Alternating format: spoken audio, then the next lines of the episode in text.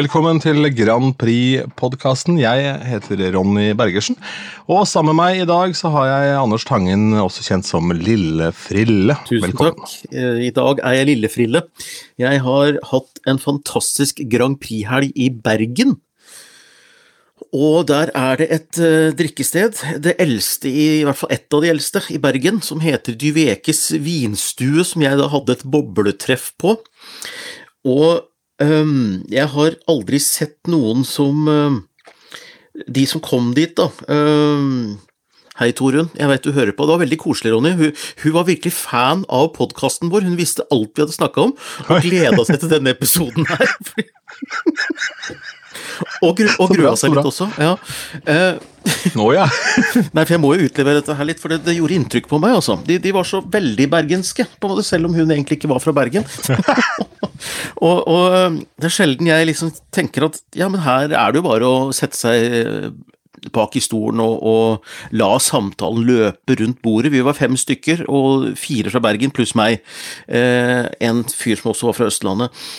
Eh, og frille, altså det, det, det var et gammelt ord for slave, og, og og dette stedet her, eh, de var faktisk genuint, og det skjønte jeg på dem at det var ikke tull, de var redde for å være der, fordi der er det spøkelser.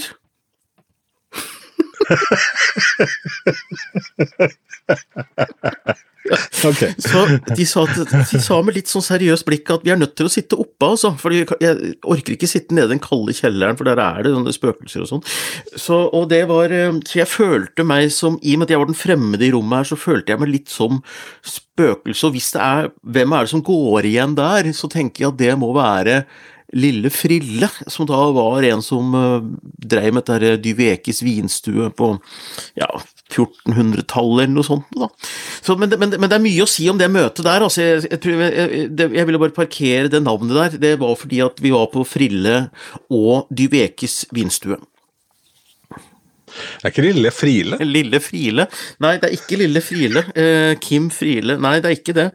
Eh, en Friele kaffe var jo derfra. Ja, nettopp. Jeg tenkte Ja, på ja, Herman Frile. selvfølgelig. Det har jeg ikke tenkt på. Det er han som Nei. Det er familien hans som går igjen der, vet du. Det er, han som, det er Herman Frille. Jeg vet hva jeg tenker, Herman Friele har såpass til makt at han kan gå igjen før Ja, han er dau. det tenker jeg også. Ikke Og Hvis jeg sitter nede i kjelleren der, og plutselig dukker Herman Frille opp bak meg der, altså det med litt sånn skummelt bergensk eh, og litt sånn eh, pose som han, og sånn filter som man driver og fukter. Vet du, Det er han som har lært meg at du skal fukte kaffefilteret når du skal lage kaffe. Eh, Da blir visst kaffen mye bedre. Så det har jeg lært av en reklame. oh, ja. Herman Frille. Nå blir det bare Frille heretter. Herman Frille hadde for noen år siden. Eh, Så da vet du det, du òg. Nettopp. Men eh, så, så hyggelig med bobletreff eh, da. Jo da. da, eh, det kan du si.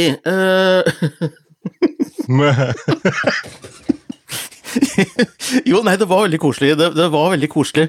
Eh, men, men jeg merker nå at ute i Nå tror jeg alle fem som var der, er medlemmer i Boble. Det var bare ei som var det fra utgangspunktet.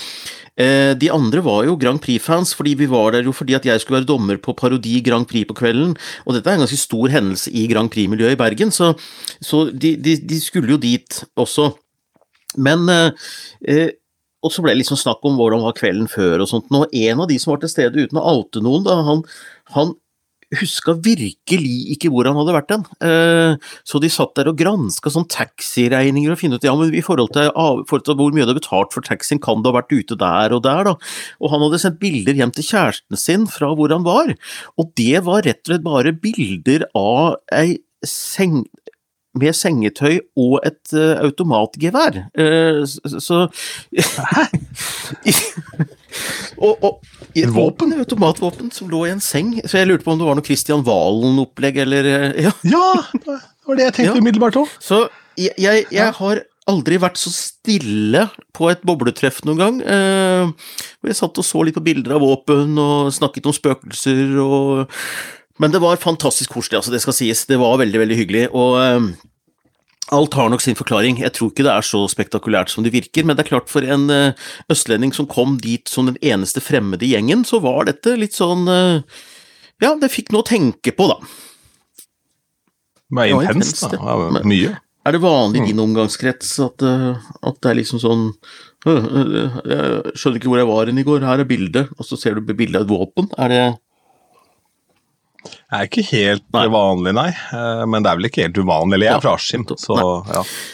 Du vet, Askim hadde jo navnet Hashim lenge, for det var sånn hub for hasj. Oh, ja. Var, Ja, ja, så det har vært, var det dyrking, her. eller var det bare at det var der det var liksom sånn hub, som du sier, sånn sentral? Så, Ja, på det tidspunktet da Hashim, eller Hashim var Hashim, så var jo det store høydepunktet i mitt liv å stikke på jernbanegrillen og spise kebab. Nei. Så jeg har ikke sånn helt eh, oversikt over hvor tungt dette var. du bare tok til deg navnet. Ja. Mm. Jeg har bare fått, Ja. fått med meg det, ja. Mm. Ellers så ja. Men jeg var jo i Du Skien i går. Skien, ja. Hva Eh, gjorde du der? Ja, og der var det en liten dose Bergen. Var innom Skien i går også, for eh, da spilte jeg et bryllup eh, på Festiviteten, som er dette huset som Karpe har eh, kjøpt. Um, de har jo kjøpt eh, gamle De har det, ja. Det har ikke jeg fått med meg. Hvorfor har de det? Hva skal de der? Nei, de, å ja, det er såpass, ja. Jøss. Ja. Da, da anbefaler jeg å se, se en episode av Lindmo som ligger på NRK nett-TV eh, om denne Skien-greia til Karpe. Nei, de har jo blant annet hatt show for 50 fans da, eh, på dette huset i Skien. De bruker det som studio, de bruker det som lager og en Ja. del sånne ting.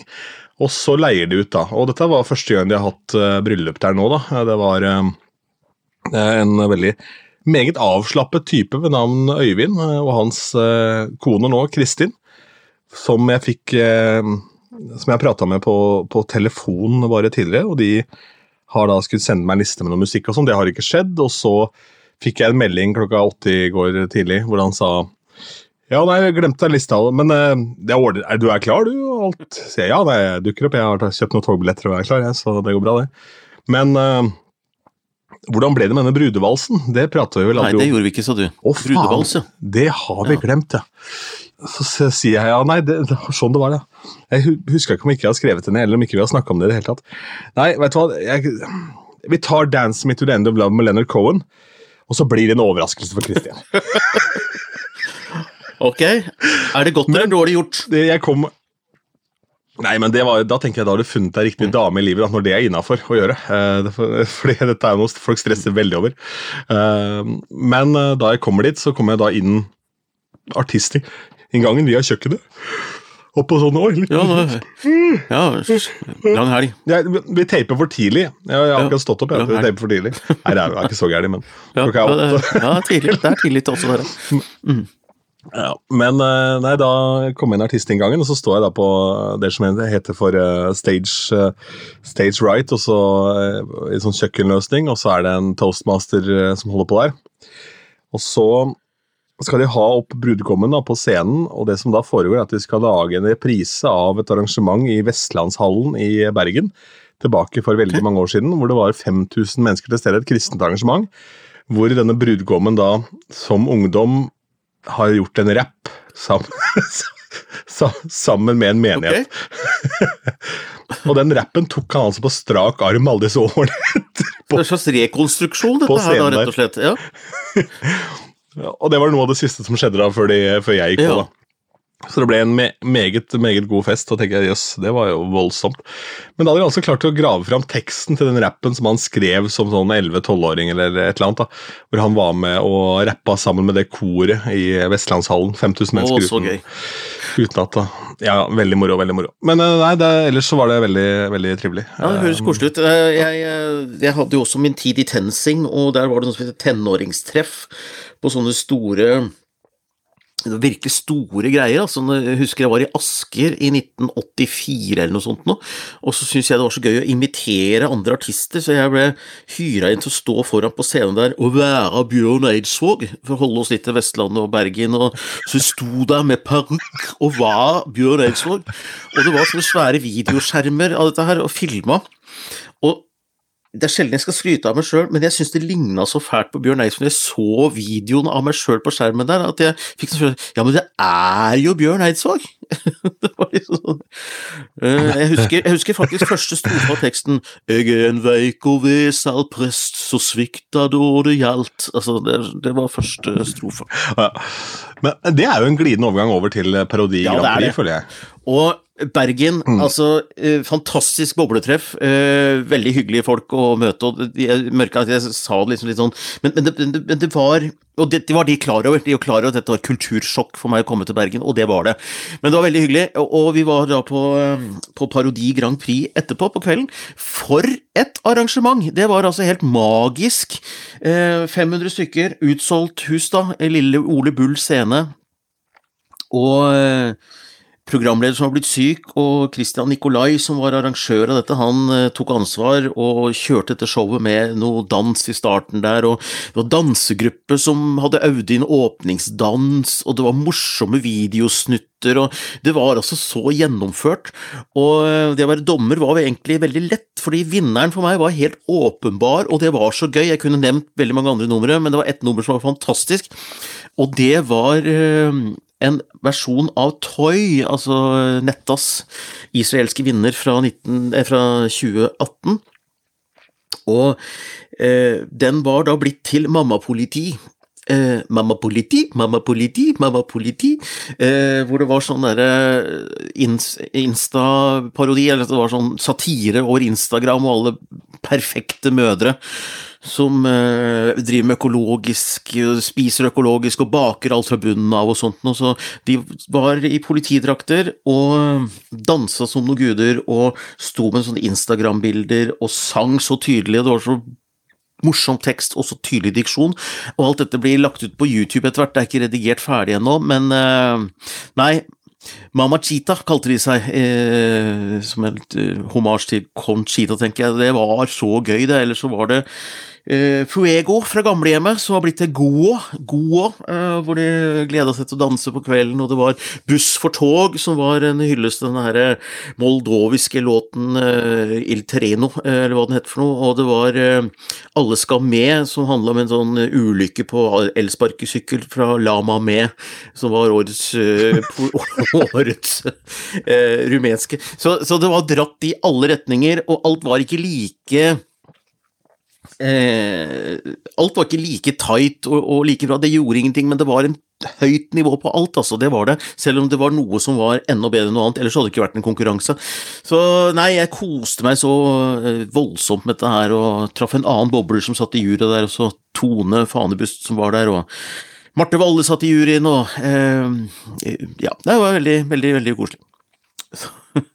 Hvordan var det å være da i dommerpanelet i selve finalen kontra den østlandsfinalen? Nei, det er litt forskjell, for Østlandsfinalen, Oslo-finalen, Oslo-kvalifikasjonen hadde jo mye mer sånn vekt på drag-delen av det hele. Det var nok mye mer sånn prega av uh, homsemiljøet i Oslo enn dette her. Dette var mer sånn teaterlag, ungdomsteaterlag, og litt sånn, det var litt sånn breiere miljø. Og jeg har ikke noe imot noen av delene, jeg, men det, det, var en litt sånn tydelig forskjell. Jeg har jo vært med på revyfestival på Høylandet for noen år siden som konferansier og jurymedlem der, og dette minte meg mer om revyfestivalen på Høylandet enn eh, Parodi Grand Prix i Oslo, for å si det sånn. For det var eh, Det var ikke så mye sånn løshår og eh, Nei, det var mer sånn sketsjebasert, men det var Det var veldig gjennomført og veldig moro. Og så var det en fantastisk DJ etterpå, det må jeg si, altså, på etterfesten, som uh, dro opp stemning med kun Eurovision-låter, så uh, jeg tenkte der skulle Ronny vært. Oh, wow. ja, det, var, uh, det svingte mm, ja. veldig bra, og jeg merka da da den derre Give That Wolf a Banana kom liksom bare smygende inn eh, etter, etter Jeg husker ikke, hvor den kom etter Fairytale, så merka jeg liksom hvor, gru, hvor den gruer på dansegulvet når du får riktig inngang til den, da. Så det var gøy. Det jeg syns var kult med det du nevnte med disse bidragene, er jo det at her er det jo virkelig godt eh, sånn litt i sømmene på å finne Altså å dra opp nettene-hatten nå, på en måte, den begynner å bli gammel. Eh, stedet for å ta, ta de sangene som da er sånn kjempefisk til minne akkurat nå, så har man jo da dykka litt ned i det, og det er vel litt eh, Det får litt ekstra kreft ja. for det, tenker jeg. At ikke det på en måte Det var ikke bare de åpenbare. Det var liksom ikke bare de åpenbare låtene. ikke ja. sant? Altså, Glasnost fra 1988 var jo med her også. Eh, så Putin, Putin møtte faktisk eh, Zelenskyj på scenen der. Det var veldig gøy med jeg vet ikke hvor jeg plukka den mannen som var Putin, men han var sterk, altså. Han uh, sto og flesja kroppen sin med en bitte liten bamse mellom beina. Det var helt uh, For det hesten. Putin sitter jo på hesten, så han sto jo så litt som kosedyr mellom beina. det var så dumt. Det var så dumt. Og det høres så dumt når du forteller dem, det høres så billig ut, men det var så gjennomført. ikke sant? Og bra lys, og de hadde øvd, og det var liksom Nei. Det anbefaler alle å komme og se på det. Det eneste var en som kom bort til meg og sa at uh, det er så bra det, vet du. at det, det, det, jeg håper bare ikke det kommer på TV, at TV2 kommer og knabber det, for da blir det ødelagt med en gang. sant? For det nærmer seg så bra nivå at det plutselig begynner å bli en sånn TV-produksjon, og da blir sjarmen borte. Og det tror jeg er et poeng, altså, at det skal være litt sånn ja. Jeg så på en board på Oslo S nå at TV 2 har lagd TV-serie av serien Lunsj, denne, denne tegneserien. Ja, det, ja. Så da blir vel det ødelagt òg. Risikerer vi jo det. Risikerer vi det. Du har jo for øvrig vært på en slags liten Eurovision-turné, du da? Jo, på Rena. Denne uka, altså. ja, på Rena, ja. Du har vært liksom Jeg Norge var på rundt etterfest der òg, ja. Og jeg var, det var Der var det høy, høygafler, Nei, nei, det var ikke det. Det var, det var, det var, det var, det var høy partyfaktor. Altså. Det var, en stund så trodde jeg faktisk at den finske statsministeren var der. Så ille var det. Så, så Nei, nei, men da skjønte jeg liksom sånn derre Jeg pleier jo ikke å feste med influensere og sånt, men jeg vet ikke hvem disse her var. Det, det var vel noen som var på låtskrivercampen, som, som oppførte seg litt sånn som jeg mener influensere kanskje oppfører seg på fest, hvor de skrur på en fest i fire, ja, 15-20 sekunder, ikke sant, og så filmer de det. Og så er de egentlig helt normale, hyggelige folk som du kan gå og snakke med liksom ellers, men når de skal lage det de skal legge ut, så er det full staging, og da, de, da går de full bananas, og høya, høya, står og hoier og danser og er liksom på, da. Og så skrur de seg av igjen, og så snakker de helt normalt. Så da så jeg liksom at sånn gjør influensere det. Var morsomt. Tenk å ha det genet, at du bare kan gjøre det. At du bare kan skru på det, og så eier du ikke noe skam på det etterpå. at Det er, helt, det er bare sånn Ja, ja, det, og, det, og, og de, selvfølgelig så lå det ut en kjempemorsom video. Du kan se Stig Karlsen baki der, og du ser disse her danser, og det er liksom det ellevill stemning på kjøkkenet, da. Og det er koselig, og det var, det var koselig stemning, men stort sett så var det jo minglefest, hvor vi gikk rundt og snakka om Grand Prix og neste års Grand Prix og tidligere Grand Prix, og snakka nerding, da. Det var jo det vi gjorde, fordi vi var jo her, de, her hadde de sittet og lagd 31 låter på tre dager som vi nettopp hadde fått hørt, så de var jo da nysgjerrig på responsen på dette her, ikke sant, og det var mest nerdesnakk, og det liker jeg veldig godt, men det var gøy å se influensere. Jeg vet ikke om de var influensere, jeg kaller dem det, men det var liksom litt sånn gøy å se de skru seg på, ja. Jeg vet ikke helt hvor den grensa går, eller når du er det. på en Nei, måte. Nei, jeg vet ikke heller. Men de låtene Og så driter jeg egentlig i det, skal jeg være ærlig. og så Ja, driter jeg litt i det. ja. Men det var hyggelige folk, det er det viktigste. Det var, det var gøy. Det var gøy fest. Og stort hus på Rena. Fantastisk gøy. Eh, også, men låtene eh, Det er fælt å si det. Jeg, har veldig sans for The Wood, og jeg er jo kunde der oppe og sånt nå, men, men eh, jeg, jeg, jeg er ikke så overbevist om at, det blir, at vinneren var blant disse 31 låtene i år, altså. Det, det hørtes ut som det hadde gått litt fort i svingene, og det har det jo også gjort. Så jeg eh, syns det var ganske mye likt i år, og det var mye beat og mye harmonier, men det var ikke noe melodi oppå som var eh, Det var, det var liksom Det mangla liksom den gode totale låta. Det var liksom Man stolte veldig på at du hadde en beat og noen harmonier oppå, eh, men du mang, for at du skal bli virkelig banger, da, så må du ha noe som er allsangvennlig, og noe som fester seg. Jeg sleit med å finne det denne gangen, men det kan jo endre seg, selvfølgelig.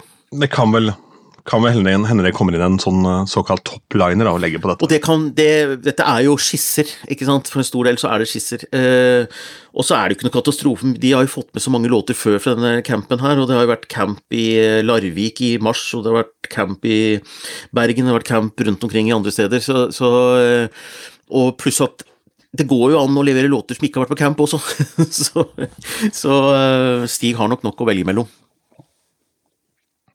Ja, og hva vet vi om den utvelgelsen, egentlig? Det har jeg kanskje vært litt inne på før, men eh, sånn eh, Hvor mye makt har Stig alene, hvor mange er det i hans team og sånn? Nevnte han det når han var her? Nei, ja, altså han har nevnt det, men det har også blitt sagt på finalen i 2021.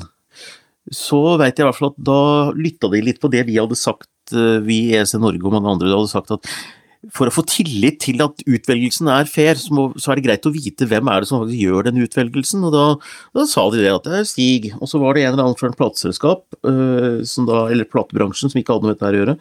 Og så var det ei som jobber i MGP-redaksjonen som er utdanna jazzmusiker. Eh, som er eh, Hun er musikkjenner, da, altså teoretisk musikkjenner.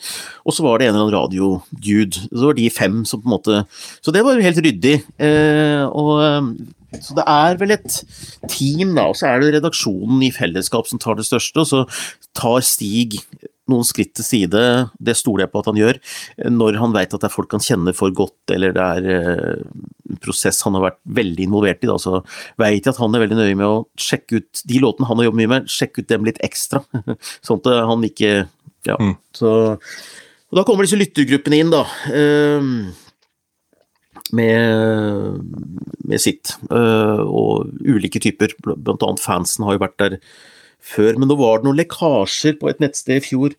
Uh, Euronesion Norway gikk jo på en liten smell der i fjor og la ut noen artister som de ikke skulle lagt ut på Twitter. Uh, så jeg håper liksom at De, var lei seg for det etterpå, men altså det er Eh, det er jo synd når sånt skjer, og tilliten må jo være der. At når du inviterer fans inn for å høre låter, og sånt, så skal du ikke si for mye ut, da. Ikke sant? Så jeg kan jo ikke si noe om låtene som var med i Rena, eh, bortsett fra generelt inntrykk vi kom med nå.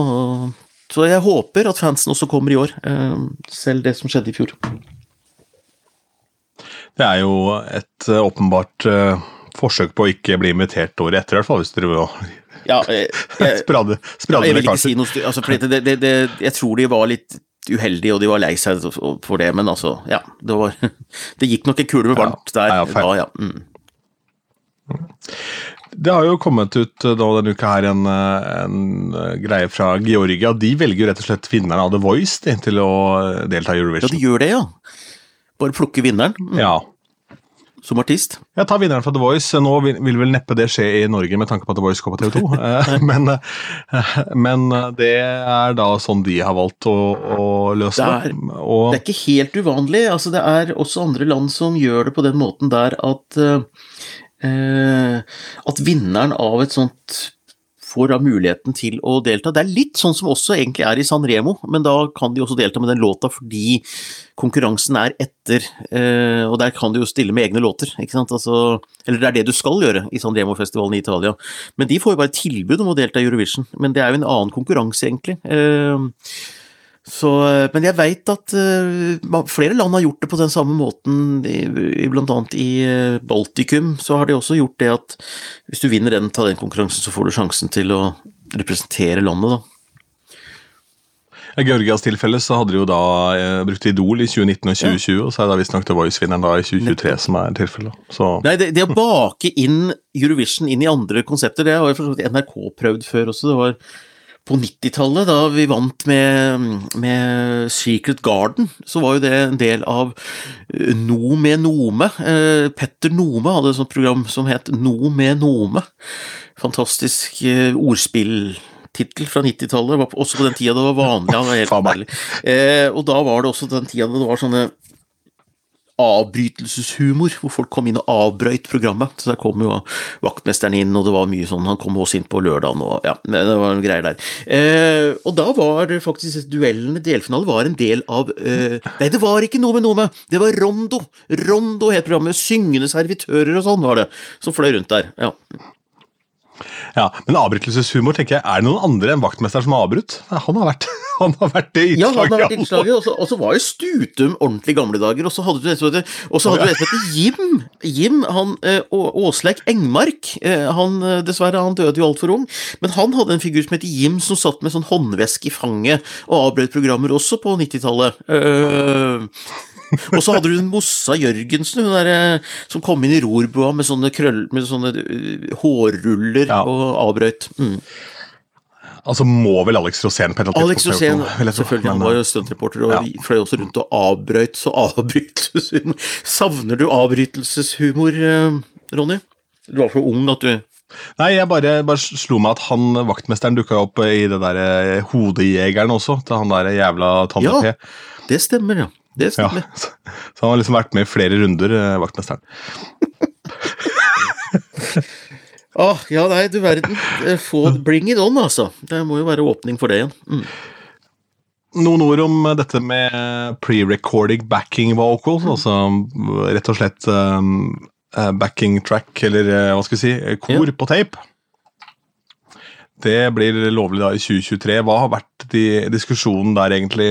Det har jo vært en glidende overgang, sant. Fordi at eh, Før så måtte jo all vokal være live, også korister. Og Vi husker sånne bilder fra Eurovision hvor koret står i bakgrunnen. ikke sant? Og Det er ikke mange år siden det var det vanlige, at koret skulle være synlig. Men så begynte man å gjemme koristene bak teppet rundt sånn 2015 omtrent, så begynte det å bli vanlig. Hvor koristene sto eh, bak. Du hadde før det også hatt støttevokal. Det var f.eks. sånn da Tooji var med med eh, Stay. Så eh, Tooji har mange kvaliteter, men han var kanskje ikke sånn live den stødigste vokalisten, så det var jo Hans Espen Gile som egentlig framførte mye av låta bak et teppe, eh, som hans støttevokal. Så langsomt så ble liksom koristene skyvd lenger og lenger bak, og ble mindre og mindre del av scenebildet. Og så eh, kom covid-kjøret, og da fant de ut at de skulle prøve å minimere antall folk som kom ned til Og da gjorde de sånn at det var lov med innspilt uh, backing track, uh, ko, altså uh, også kor, da. ikke sant? Så det var, det var, det samme som i fjor. Det er, nok, det er nok en videreføring, men nå har det liksom blitt en del av regelen. Det er ikke et koronaunntak lenger. Men det er ikke fritt fram, for det, det er en innstramming der også som jeg liker. Fordi at inntil nå så kan du bare feste en mikk, og så kan du late som du synger. Ikke sant? Altså, øh, du kan bare mime, og så er det egentlig spilt inn på forhånd. Det blir ikke lov lenger. For hvis du ikke synger, øh, så skal du heller ikke ha mikk, og da skal du heller ikke bevege munnen din. For hvis du beveger munnen din i bildet, så skal det være ordentlig sang. Og det høres kanskje litt sånn rart ut, men det har vært mye juks på det, og, og det er ikke juks, det har vært lov, da, men øh, du kan egentlig nesten stå og mime ikke bli tatt for det, fordi du kan bruke støttevokal i bakgrunnen, men det, det, er ikke lov å stå og late som du synger, da. Det, det blir forbudt. Miming ja, ja. blir ikke lov lenger. Liten, liten teknikalitet der, da. Ja, det er litt artig. Så miming er ikke lov, men du kan stille med helt åpenbart, og det er jeg egentlig Jeg skulle ønske at det var live orkester og alt var live, ja, men jeg ser jo utviklingen i musikkbransjen og musikkshowene. altså for at Eurovision ikke skal høres så fryktelig mye dårligere ut enn andre profesjonelle musikkshow, så må en nesten henge etter også i lydbildet, og det er så mye prosessert vokal nå at uh, hvis Eurovision liksom skulle tviholde på at det skulle gjøres sånn som det har gjort før, så vil det høres plutselig litt umoderne ut. Det er som en dress som er hengt i skapet ditt. Den funker fint, funker fint, plutselig, men plutselig en dag når du ser på den at Nei, nå var den blitt gammel. Det er fordi slaget har blitt litt breiere eller smalere, eller, men du ser det ikke sånn fra dag til dag. Men plutselig en dag oppdager du at nei, der var dressen blitt for gammeldags. Og Eurovision er litt sånn, du må bare følge med i timen da, og forandre litt underveis hele veien. Skal vi ta en siste avslutning fra Skien, ja. da? Ja, la oss gjøre det. Jeg forså meg jo til toget mitt da, ikke sant, uh, i dag. Ja vel. Så hadde dette vært en eh, fest i går hvor det hadde vært masse fyll, så hadde dette vært en sånn egentlig en perfekt helg for en sånn der håpløs type som ikke klarer å sjekke ut av rommet sitt når han skal engang. Forsover seg til utsjekk og frokost og alt mulig. Som vi var innom forrige gang. Ja, eh, for eh, jeg stakk innom festiviteten, hadde en sånn kjapp lydprøve der, og så dro jeg ned på hotellet, sov et par timer, og så var jeg oppe der til, til å få med meg denne turen til Bergen med denne brudgommen som rappa på scenen. Ja, ja. Hvor de har plassert flere av gjestene for øvrig på knærne også, for at det skulle være de barna som, Oi, ja, som da var med og sang i det koret. Ja, ja, ja. Og så kom jeg da tilbake til hotellet mitt etter å ha vært innom og venta forholdsvis lenge på en kebab. Det var over en halvtime ventetid på en kebab, og veldig sånn dårlig stemning på den kebabsjappa, eh, hvor folk kjefta og smelter og fikk sånn lodd. Eh, som eh, da de ropte opp da at jeg var nummer 13, da, og da skulle jeg få min kebab. De må ha crowd management, må ha crowd management på en kebabsjappe, rett og slett. Rett og slett. Nå er vi i Skien, altså. Ja, du hører det. Og ha med meg den kebaben da, og en Pepsi Max og gleder meg fælt til å spise den på hotellrommet. Og så kom jeg da inn på rommet, der sto, eller inn på hotellet omsider, for jeg måtte krangle litt for å komme inn, da, for det var en nattevakt som Det var litt sånn juballong utafor, så han ville ikke åpne døra umiddelbart. Men eh, jeg fikk ordna meg til det og overbevist han om at jeg bor her. Kom meg opp, og så går jeg da et godt stykke innover i gangen der hvor mitt rom er, og så ser jeg det står en dør oppe til dette rommet, så tenker jeg faen, nå blir det noe sånn styr her. Jeg orker ikke bli dratt inn på nachspiel her nå, jeg skal bare spise. Ja. En dør ja, ja, åpen i gangen. Ja. Det kunne hørtes ut som det sto en død rotte. Nei. det var ikke så sliten Nei, hotellet. det det en dør oppe. Det står en dør oppe, eh, det er åpent, ja, eh, i hvert fall. Og så tenker jeg jeg orker ikke å nachspiel og styre styr her nå. Så, åh, eh, eller hva, hva kommer jeg til å se inn uh, i den døra? Uff. Og så er det min dør. Oi, ja vel. Da snakker du sånn Netflix-seriekrim. Jeg har tydeligvis ikke klart å lukke døra til mitt eget rom. da. Nei. Åh, Så den har, den har stått da pip åpen, døra der, hele bryllupet. og, og alt utstyr er på stedet. Det er ikke sånn som Davido som har blitt frastjålet trylleduer og Nei. Nei, jeg hadde ingen duer og stjerner. Nei, jeg hadde jo ingenting av verdi der. Det var jo bare klesskift. Jeg hadde jo med alt bort på uh, venue. Men uh, det var interessant. Jeg gikk igjen der sånn hm, Ligger noen i senga mi og sover nå? Sitter det noen på toalettet? Står det noen i dusjen? Er det noen under senga? Men uh, det var ingen der. Det var bare jeg som ikke hadde klart å lokke en dør. da, Så jeg har litt å øve på. Jeg hadde et Chevy Chase-øyeblikk på hotellet i Bergen, jeg også. eh, Som, eh, siden jeg Denne bergensgjengen vi møtte, de kalte meg bare for Chevy Chase, for de de hadde hørt på podkasten. Så nå er jeg blitt Chevy Chase. Eh, og jeg lå inne på rommet og var så irritert, for det var så varmt der. Det var, var, fryktelig varmt, og det var det, altså. Eh, og jeg var desperat etter å åpne vinduet, og fikk ikke åpna vinduet, og kledde på meg igjen og gikk ned i resepsjonen og var litt sånn amper på at eh, Nei, men da eh, var det litt sånn ja, men da drar jeg bare hjem, eller så, så er ikke det noe option, eller det var fullt overalt, og ikke, jeg kunne jo ikke dra hjem fra Bergen heller, det er bare dum trussel. Og så, øh, så ja, nei, så ko- kom jeg p- dagen etter. Altså, jeg fikk ikke ordna det vinduet, da. Jeg var bare irritert og sovna til slutt. Uh, morgenen etter Det er noe som heter vindushaspe på et vindu. Det er egentlig bare å åpne den haspen og åpne vinduet. Jeg vet ikke hvorfor jeg ikke tenkte på det. det var rett, jeg, jeg åpna ikke den. Men jeg lagde så Jeg lagde Du gikk ned i resepsjonen, ja? og lagde litt nummer av at det vinduet ikke lot seg åpne. Eh, Så, så var det bare at jeg hadde ikke åpnet den haspen. Altså, jeg skjønner ikke hva jeg holdt på med. Ikke var jeg full heller. Eh, Latterlig. Ja. Nei. Nei. Nei, sånn er det. Den ene klarer ikke å lukke en dør, den andre klarer ikke å åpne en vindu. Jeg tror Ja, vi sier det er bra der. Takk for oss.